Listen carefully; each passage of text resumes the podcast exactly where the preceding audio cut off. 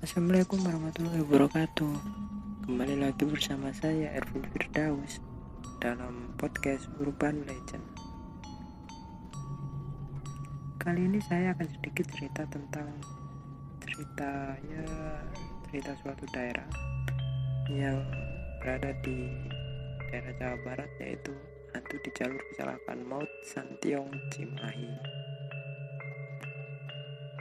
Langsung saja kita mulai ceritanya satu daerah sudah barang tentu memiliki urban legend yang dipercaya oleh masyarakat secara turun-menurun, termasuk di kota Cimahi yang memang beberapa kawasan seakan menegaskan bahwa urban legend yang dikisahkan nyata adanya.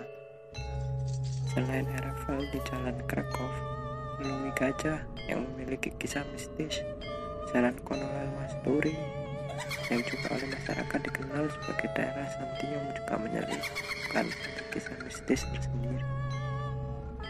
Apalagi di satu titik saat melewati jalan yang menghubungkan Cimahi dan Cisarua itu akan melewati dua area pemakaman di sisi kiri dan kanan.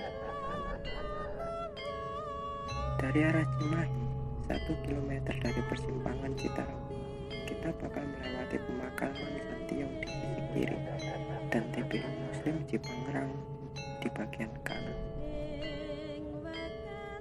Layaknya pemakaman, lalu ada cerita-cerita moral yang mengiringi keberadaannya. Apalagi di ruas jalan yang konturnya menuju kamu. Itu sempat terjadi beberapa kejadian kecelakaan yang menelan korban jiwa.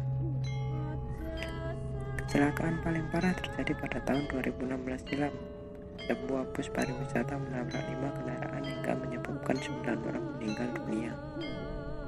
Lalu apa hubungannya? Banyak warga percaya jika kita saat melintas kawasan tersebut tidak boleh melakukan hal-hal sembrono maupun berkata seenaknya atau dalam bahasa Sunda dikenal dengan sompral. Komarudin warga setempat menyebut Mila sompral saat melalui jalan Kolonel Masturi maka bukan tidak mungkin pengendara akan melihat sosok menunggu yang menyerupai sesosok pria tanpa kepala.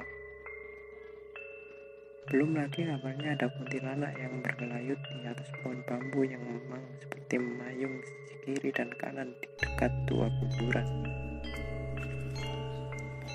Suasana seram yang terpancar dari daerah tersebut seakan diperkuat dengan minimnya penerangan jalan yang ada. Jika dilihat dari atas maupun bawah, jalan Kolonel Masturi pada malah Mahari mirip lorong panjang gelap yang tak memiliki ujung. Namun jika berbicara dari sisi lain, kawasan jalan Kolonel Masturi yang masuk ke wilayah kecamatan Cipangeran memiliki nilai sejarah yang kental. Sebab di makam yang dianggap angker oleh masyarakat justru merupakan tempat persemayaman jasad dua leluhur Cimahi zaman dulu.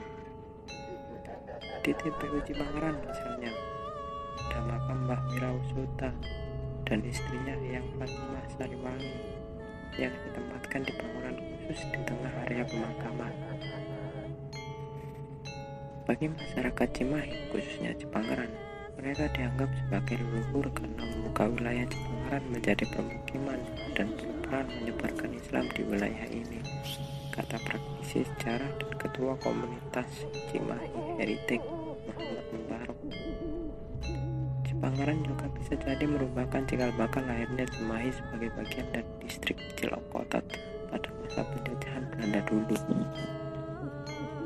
Sebab dipercaya jika kehadiran Mbah Wirasuta di daerah tersebut lebih dulu ketimbang pembangunan jalan anyar Panarukan oleh Daindeles pada tahun 1811. Bisa jadi Cimahi ini sebetulnya berawal dari Cipangeran, tapi yang masyarakat ingat dari Santiong ini justru cerita-cerita mistisnya, padahal kita tahu nilai sejarahnya sangat kental dan terang. Tadi adalah sepenggal cerita mistis dari urban legend di kota Cimahi, Jawa Barat. Lanjutkan kisah-kisah mistis lainnya dalam podcast Urban Legend selanjutnya.